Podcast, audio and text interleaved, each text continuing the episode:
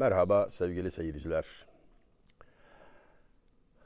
Şairin sultan olması, sultanın şair olması ayrı bir durum yani. Elbette şiirin en büyük ustaları onlardır demiyorum ama yani hiç de fena olmadıklarını görüyoruz. Osmanlı sultanlarına bakıyorum. ikisi üçü dışında hepsinin çok sayıda şiirleri var. Birçoğunun divanı var. En meşhuru, en çok bilineni tabii ki Kanuni Sultan Süleyman merhumdur. Muhibbi. Muhibbi. Ne kadar muhibbi, ne kadar kanuni, ne kadar şair, ne kadar sultan. Bilmiyorum ama bana sorulursa full time şair, part time devlet başkanı. 4000'in üzerinde gazel sahibi bir ustadan, bir şairden bahsediyoruz. Divanında ki miktar bu. Kaldı ki sadece gazeller, gazel dışında kasideler, naatlar, tahmisler, tarihler, kıtalar filan filan hariç. Efendim. Peki ne gibi mesela bir örnek herkesin bildiği mısralar dışında bir iki örnek verelim dersek önümüzdeki kum saati bana bu hususta yol gösteriyor, ilham veriyor. Olsa kumlar sayısınca ömrüne haddü adet, gelmeye bu şişeyi çarh içre bir saat gibi. Öyle kurmuş ki beyti. Şimdi beyt deyince biraz durmakta fayda var üzerinde. Ev demektir aynı zamanda beyt. Ev. Çoğulu ebyat. İşte Beytül Harem deriz ya Beyt-i Makdis deriz. Beyt ev demek. Şiirde beyt iki mısradan oluşan birim yani. istisnalar dışında en küçük birimidir. Şiirin temelidir. Neden beyt kapısı penceresi var, duvarı çatısı var, bir bütünlük var yani. Bir bütünlük arz ediyor. Ve usta işi beytlerde her zaman şunu görürsünüz. Ne sorsanız cevabını alırsınız beyte. Sorulacak soruları da herhalde hepimiz biliriz. Altı soru ne, nerede, ne zaman, niçin, nasıl, kim? Sanki almış karşısına bir kum saatini, beyti öyle inşa etmiş. Olsa kumlar sayısınca ömrüne haddü adet. Kum saatinde ismiyle müsemma kum taneleri olur üst tarafta. Şimdi çevirdim. Dökülür bu. Tahmin ediyorum 3 dakikalıktır. 3 dakika sonra boşalır. Binlerce, on binlerce sayılamayacak kadar çok kum taneleri vardır. Cam diyor. Efendim saat diyor. Yani kum saatinin bütün unsurlarını beyte yerleştirmiş. Bir bütünlük var yukarıdaki haznede bulunan kum tanelerinin adedince ömrün olsa diyor ki bu adet yani binlerce yıl demektir. Yani belki sayılamayacak kadar bir çokluktan bahsediliyor. Olsa kumlar sayısınca, sağışınca demiş. O da işte o karşılığı günümüzde kullanım biçimi bu sayısınca ömrüne haddü adet. O kadar uzun ömrün olsa ömür bittiğinde o anda sana sorulsa sadece o anı, o yaşadığın anı bilirsin.'' Nuh aleyhisselama sormuşlar dünyadan giderken ne dersin dünya hakkında diye. Bahara doymadım demiş. Rivayet odur ki 950 yıl vazife icra etti peygamber olarak. Ömrü bin yıl civarında. Ve o diyor ki bahara doymadım. E, dünya doyumluk değil yani. Tadımlık. Burada doymak yok. Bilmelisin ki ömrün çok çok çok akıl almaz derecede uzun olsa bile giderken sana hiç de uzun gelmeyecek. Bir saat gibi gelecek. Ne kadar yaşadın işte biraz önce geldin. Hayat hayal çünkü. Bunu baştan idrak etmek, yaşarken kavramak çok şey kazandırır insana. Bilir ki geçici olarak gelmiştir dünyaya, bitmek üzeredir ve bitince sonsuz ebedi, sonsuz ebedi hayat başlayacaktır. Ve içinde bulunduğumuz bu kısacık dünya hayatı da onun için hazırlık dönemidir. Tek fırsattır. Bir yaman vaziyet var yani. Geçici olduğu için, senin olmadığı için onu sevmemek ve fakat eldeki tek fırsat olduğu için de kıymetini bilmek, değerini bilmek. İnsanoğlunun en zayıf yerlerinden biri değil midir? Elde olanın kıymetini bilmez. Bilemez. Neden? Hep öyle olacak zanneder. Değişmeyecek zanneder. Zaafa düşer insanoğlu. O mahiler ki derya içredir deryayı bilmezler. Aynı dönemin şairi Hayali Bey'in meşhur mısrağı. O balıklar ki denizdedirler ve denizi bilmezler. O mahiler ki derya içredir deryayı bilmezler. Bilir deryanın ne olduğunu balık ama çıkınca, mahrum kalınca ve iş işten geçmiş olur. İşte insana düşen böyle bir zaafa düşmeden, kaybetmeden önce kıymet bilmek her şey için geçerli. Meşhurdur. Mealini işitmişsinizdir bir hadisi şerifte. iki cihan serveri beş şey gelmeden beş şeyin kıymetini bilin buyurdu. Nedir onlar? Hastalık gelmeden sıhhatin, ihtiyarlık gelmeden gençliğin, fakirlik gelmeden zenginliğin, meşguliyet gelip çatmadan boş vaktin, ölüm gelmeden hayatın kıymetini bilin. Hadi beytin tamamını okuyalım da yarım kalmasın, hayali beye ayıp olmasın. Cihan ara, cihan içindedir arayı bilmezler. O mahiler ki derya içredir deryayı bilmezler. Cihanı süsleyen, cihanın içinde görünür ama gafiller bilmez. Balıklar denizdeyken denizi bilmez. İşte onun gibi diyor. Peki demek istediği nedir? Allahu alem. Güzellikleri görüyorsun. Mesela gittin Süleymaniye Camii'ni ziyaret ettin. Bakıyorsun hakikaten insanın nefesini kesen bir intizam, bir güzellik, bir ahenk. Taşı dantel gibi işlemiş. Muazzam bir denge var. Akla durgunluk veren ince hesaplar var. Ve övüyorsun o güzelliği haliyle. İnsanoğlu güzellik karşısında. Hayran olur, takdir eder, över. İyi de övdüğün o güzellik o taş mı yoksa onu yapan mı? Elbette onu yapan. Sen zikretmesen de aslında Sinan'ı övüyorsun. Mimar Sinan merhumu. Kayserili. Ustaya bak.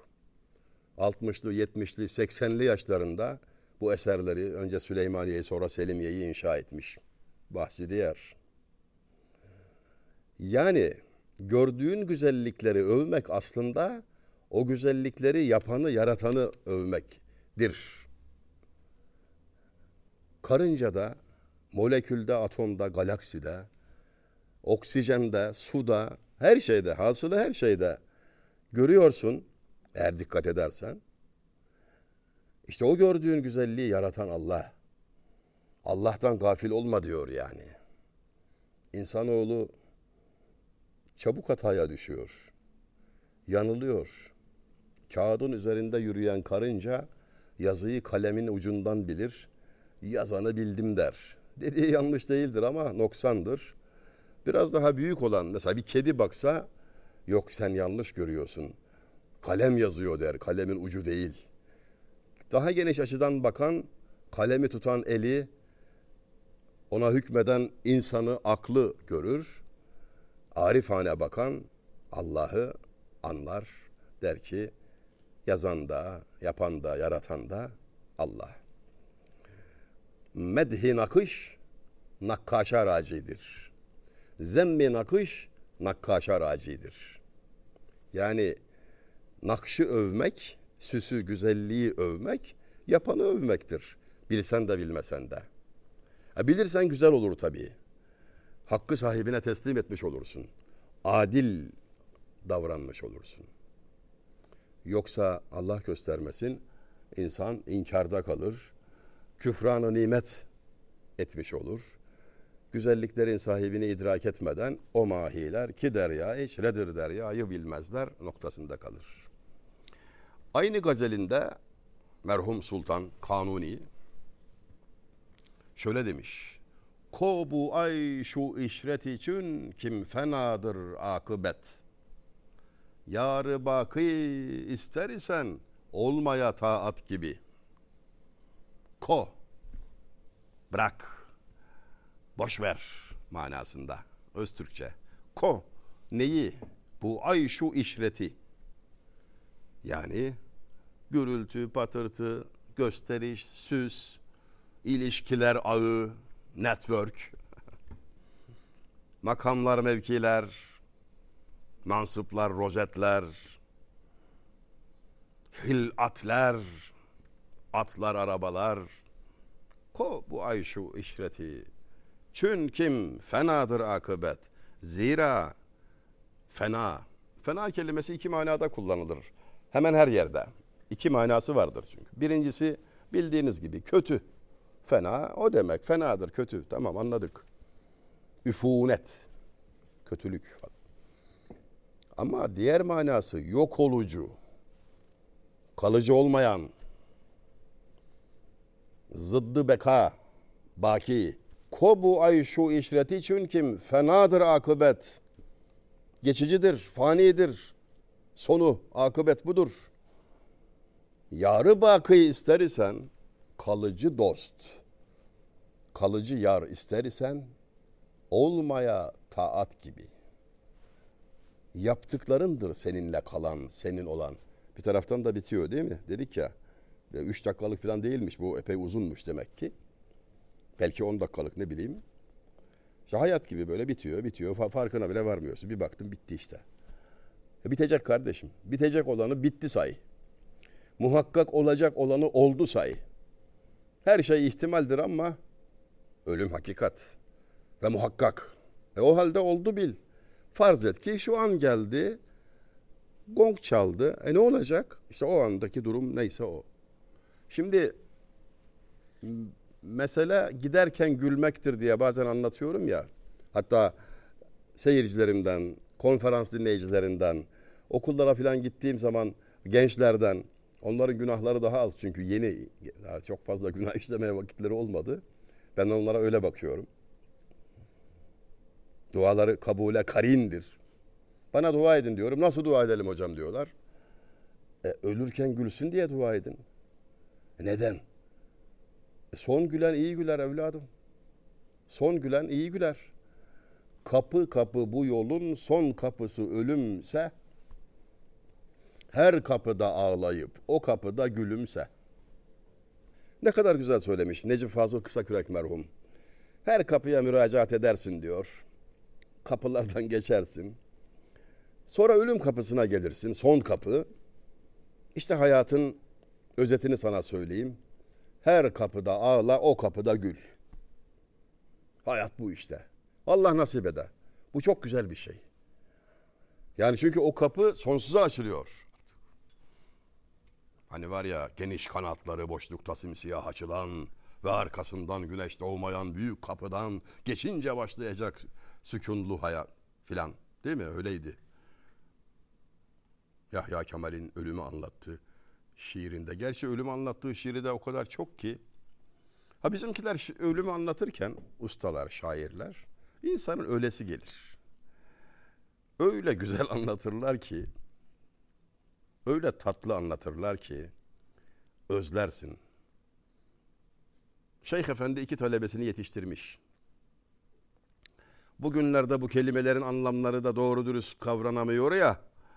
E ne yapalım? Yaşam koçu canım şeyh dedimse. Yaşam koçu.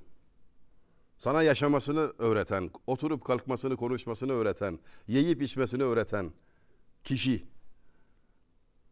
Ne kadar da ihtiyacımız var. Kimin yok ki?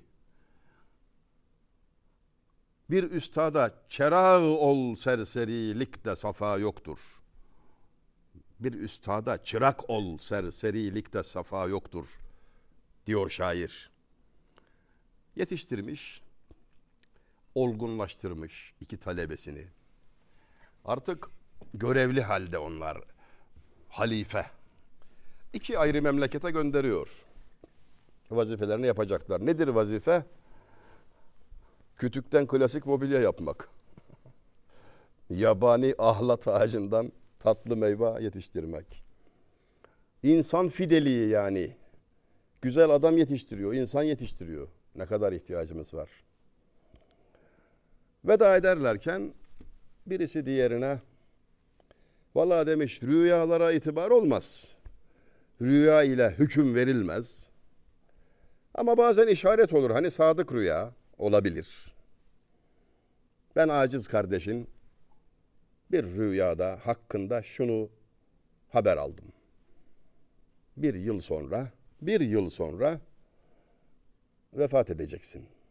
Allahu alem bil guyub. Gayıpları Allah bilir yani. Ama rüya böyle. Eğer doğruysa bu haber, bilmende fayda var, tedbir alırsın. Hani yapacağın bir şeyler varsa helallaşmalar, ne bileyim, vedalaşmalar, vasiyet diyerek haber vermiş dostane bir ikaz ne güzel. Allah böyle dost vere insana. Yani kimdir dost, kimdir düşman? Yapayım mı bir tanım? Acizane. Valla sana Allah'ı ve ölümü hatırlatan dostundur, unutturan düşmanın. Yaz bir tarafa ezberle bana sorarsan. Allah'ı ve ölümü kim hatırlatıyorsa dostundur, kim unutturuyorsa düşmanın. Düşman bazen çok yakınında olur fark edemezsin. Düşman olduğunu anlayamazsın. Senin üzerine çok etkili olduğu için de ondaki hastalığın sana bulaşması daha kolay olur. Gel gözünü seveyim. Hani mutluluğun formülünü duyduk ya iki cihan serverinden. Dört maddedir. Allah'ı unutma, ölümü unutma, yaptığın iyiliği unut, gördüğün kötülüğü unut. Al sana bir ezber konusu daha. Ezberle genç adam, genç hanım kız. Orta yaşlı dostum. Madem bizi seyretmeye, dinlemeye karar verdin bu kadar gürültünün patırtının arasında. Madem böyle zaman ayırdın boş dönme diye söylüyorum. Ben de duyduğumu anlatıyorum zaten. Konuşan bildiğini tekrar eder, dinleyen istifade eder. İşte geldik gidiyoruz. Tekrar edelim. Allah'ı unutma, ölümü unutma. Yaptığın kötülüğü, yaptığın iyiliği ve gördüğün kötülüğü unut. Dünyanın en mutlu insanı olursun. Bir iyilik yapıyorsun. Senelerce bekliyorsun karşılık. Ya adama bak diyorsun iyilik yaptık bir de kıymet bilmedi falan. E o kişi için yaptınsa yazık zaten. Yani muhtaca mı muhtaç oldun? Eyvah. Ya Allah için yaparsın. O kişi kıymetini bilir veya bilmez. Bilse de bilmese de kazanırsın. İyilik yap at denize balık bilmese halik bilir. Derya eskiler. İşte öyle. Bir kötülük görürsün onu da not edersin. Kin tutarsın. İçinde tuttuğun kin, kötü düşünce seni zehirler. Kimseye faydası olmaz. İntikam olarak da işe yaramaz. Halbuki gördüğün kötülüğü unutsan, dava etmesen, yaptığın iyiliği de unutsan, yazılmıştır nasıl olsa bir yere çıkar karşıma desen, ne kadar rahat edeceksin. Huzurlu olacaksın. Kavga gürültü yok. Jandarma polis yok, savcı yok, hakim yok. Ne kadar güzel söylemiş adam. Düz gidirem hakime yolum düşmez. Az yeyirem hekime işim düşmez.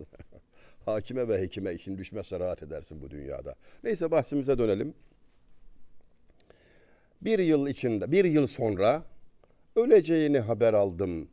Rüya yoluyla bana bildirildi. Olur ki doğrudur. Pek ümit etmiyorum kararmış kalbimle böyle sahih bir haberin bana ulaşmasını ama eğer doğruysa belki senin hatırına gelmiştir böyle bir doğru haber. Sana haber vereyim. Bilmiş ol. Hazırlık yaparsın. Şimdi bir yıl sonra öleceği haberini alan insan ne yapar? Valla normal şartlar altında paniğe kapılır herhalde değil mi? Bu haber alan o halife, kardeşinden bu haber alan şöyle demiş. Yapma ya. Bir sene daha mı bekleyeceğiz? Gecikmesinden üzgün. Zira ölüm dostu dosta kavuşturan köprüdür. Vuslattır, kavuşmadır. Öyle demedi mi Şebi Arus dedi Hazreti Mevlana. Kendi vefatının gerçekleşeceği gün için. Kavuşma gecesi, vuslat gecesi demektir. Arus, gelin demek Farsça. Şep gece. Gerdek gecesi yani. Kavuşma en çok arzulanan şey. Ben sevgiliye kavuşacağım diyor. Ya. Hafif bir zelzele olmuş. Ölüm döşeğindeyken Hazreti Mevlana haber vermişler efendim şöyle bir sallandı demişler. Konya. Yer yağlı lokma ister de ondan demiş. Çok kısa süre sonra da göçmüş. Böyle gitmeli bu dünyadan. Hani nasıl olsa gidilecek de güzel gitmeli yani. Kapı kapı bu yolun son kapısı ölümse her kapıda ağlayıp o kapıda gülümse. İnsanın bütün bunları kavrayabilmesi, meselesi haline getirmesi, böylelikle değerli bir hayatı olup, güzel yaşaması, mütebessim olması, etrafına pozitif enerjiler yayan biri haline gelmesi için ön şart kendini tanıması. Ben kimim? Nasıl bir şeyim ben? Eğer kendini görünenden ibaret sayarsa Hazreti Mevlana'nın dediği gibi olur. Bedenin bindiğin eşek, sen süvari eşeğin üstündeki binici. Elde kırbaç, dizginler sende. Yolculuk var ahire, dizginleri sağlam tut. İşi eşeğe bırakırsan ancak ahıra gidersin. Beden eşek mesabesinde, mertebesinde, yeri bu. Yani senin hardware'in olduğu gibi software'in de var. Ruh, manevi cephen. Bunu anlar, kavrar, kabul eder, hisseder ise onun ihtiyaçlarını da düşünmeye başlar. Bedenin ihtiyaçlarını bilmeyen yok. Yer içer, giyer, barınır filan. Hep almalardır yani. Bedenin gıdası almak. Ruhun gıdası vermek. Beden almakla doyar, ruh vermekle doyar. Ne vermekle? Neyin varsa onu vermekle. Paran vardır, parandan verirsin. ilmin vardır, ilminden verirsin. Güler yüz sadakadır, tebessüm edersin. Moral düzeltirsin. Adam sana gelir, derdini döker. Yanından huzurlu ayrılır, ferahlar. Vermektir hepsi. Paylaşırsın yani. Beden almakla doyar, ruh vermekle. Vermenin tadını unutunca hayatta zorlaşıyor. Demişlerdi ki elini vermeye alıştır. Bir gün can vereceksin. Vermenin öyle bir fazileti var ki sevimlileşiyormuş insan, güzelleşiyormuş, iyileşiyormuş yani verdikçe. Bir de o verdiği şey maddi bir şey hani bir dünya nimeti ise artıyor. İyi mi? Al sana ekonomi. E iyi de iktisat kitapları yazmıyor bunu. onlar ne bilir ya. Ya onlar bir defa tanımı baştan yanlış yapıyorlar. İnsanın ihtiyaçları sınırsız, kaynaklar sınırlı. Hadi bakalım bu dengeyi kurmaya iktisat diyoruz falan. Tanım yanlış bir kere baştan. İnsanın ihtiyaçları hiç de sınırsız değil. Sınırlı hayatın sınırsız ihtiyacı mı olurmuş? İstekleri sınırsız. Karıştırma işi. İhtiyaçlar sınırlı. E sen istek ile ihtiyacı birbirinden ayırt edemezsen e, nefsin esiri oldun demektir işte. Nefsin istekleri tabii sınırsız. Gittiği yere kadar gider. Oho hiçbir şeyle doymaz. Bir deniz dolusu, bir vadi dolusu altın olsa diyor doymaz. Bir vadi dolusu daha ister falan. O halde insanın ihtiyacını ve isteğini ayırt edebilmesi, insanın manevi cephesini hatırlayabilmesi halinde sözlerin bir değeri var. İşte o takdirde gerçek hayata doğru yönelir. Dünyadan ilişkisini düzenler. Yani düzgün bir ilişki kurar. Otursun yerine bende her şekil, vatanım, sevgilim, dostum ve hocam. Diyor ya şair. Yerli yerine koymak yani. Haddinden fazla değer verirsen bir şeye başına bela olur. Dünya da öyledir tabii ki. Şimdilik Allah'a ısmarladık.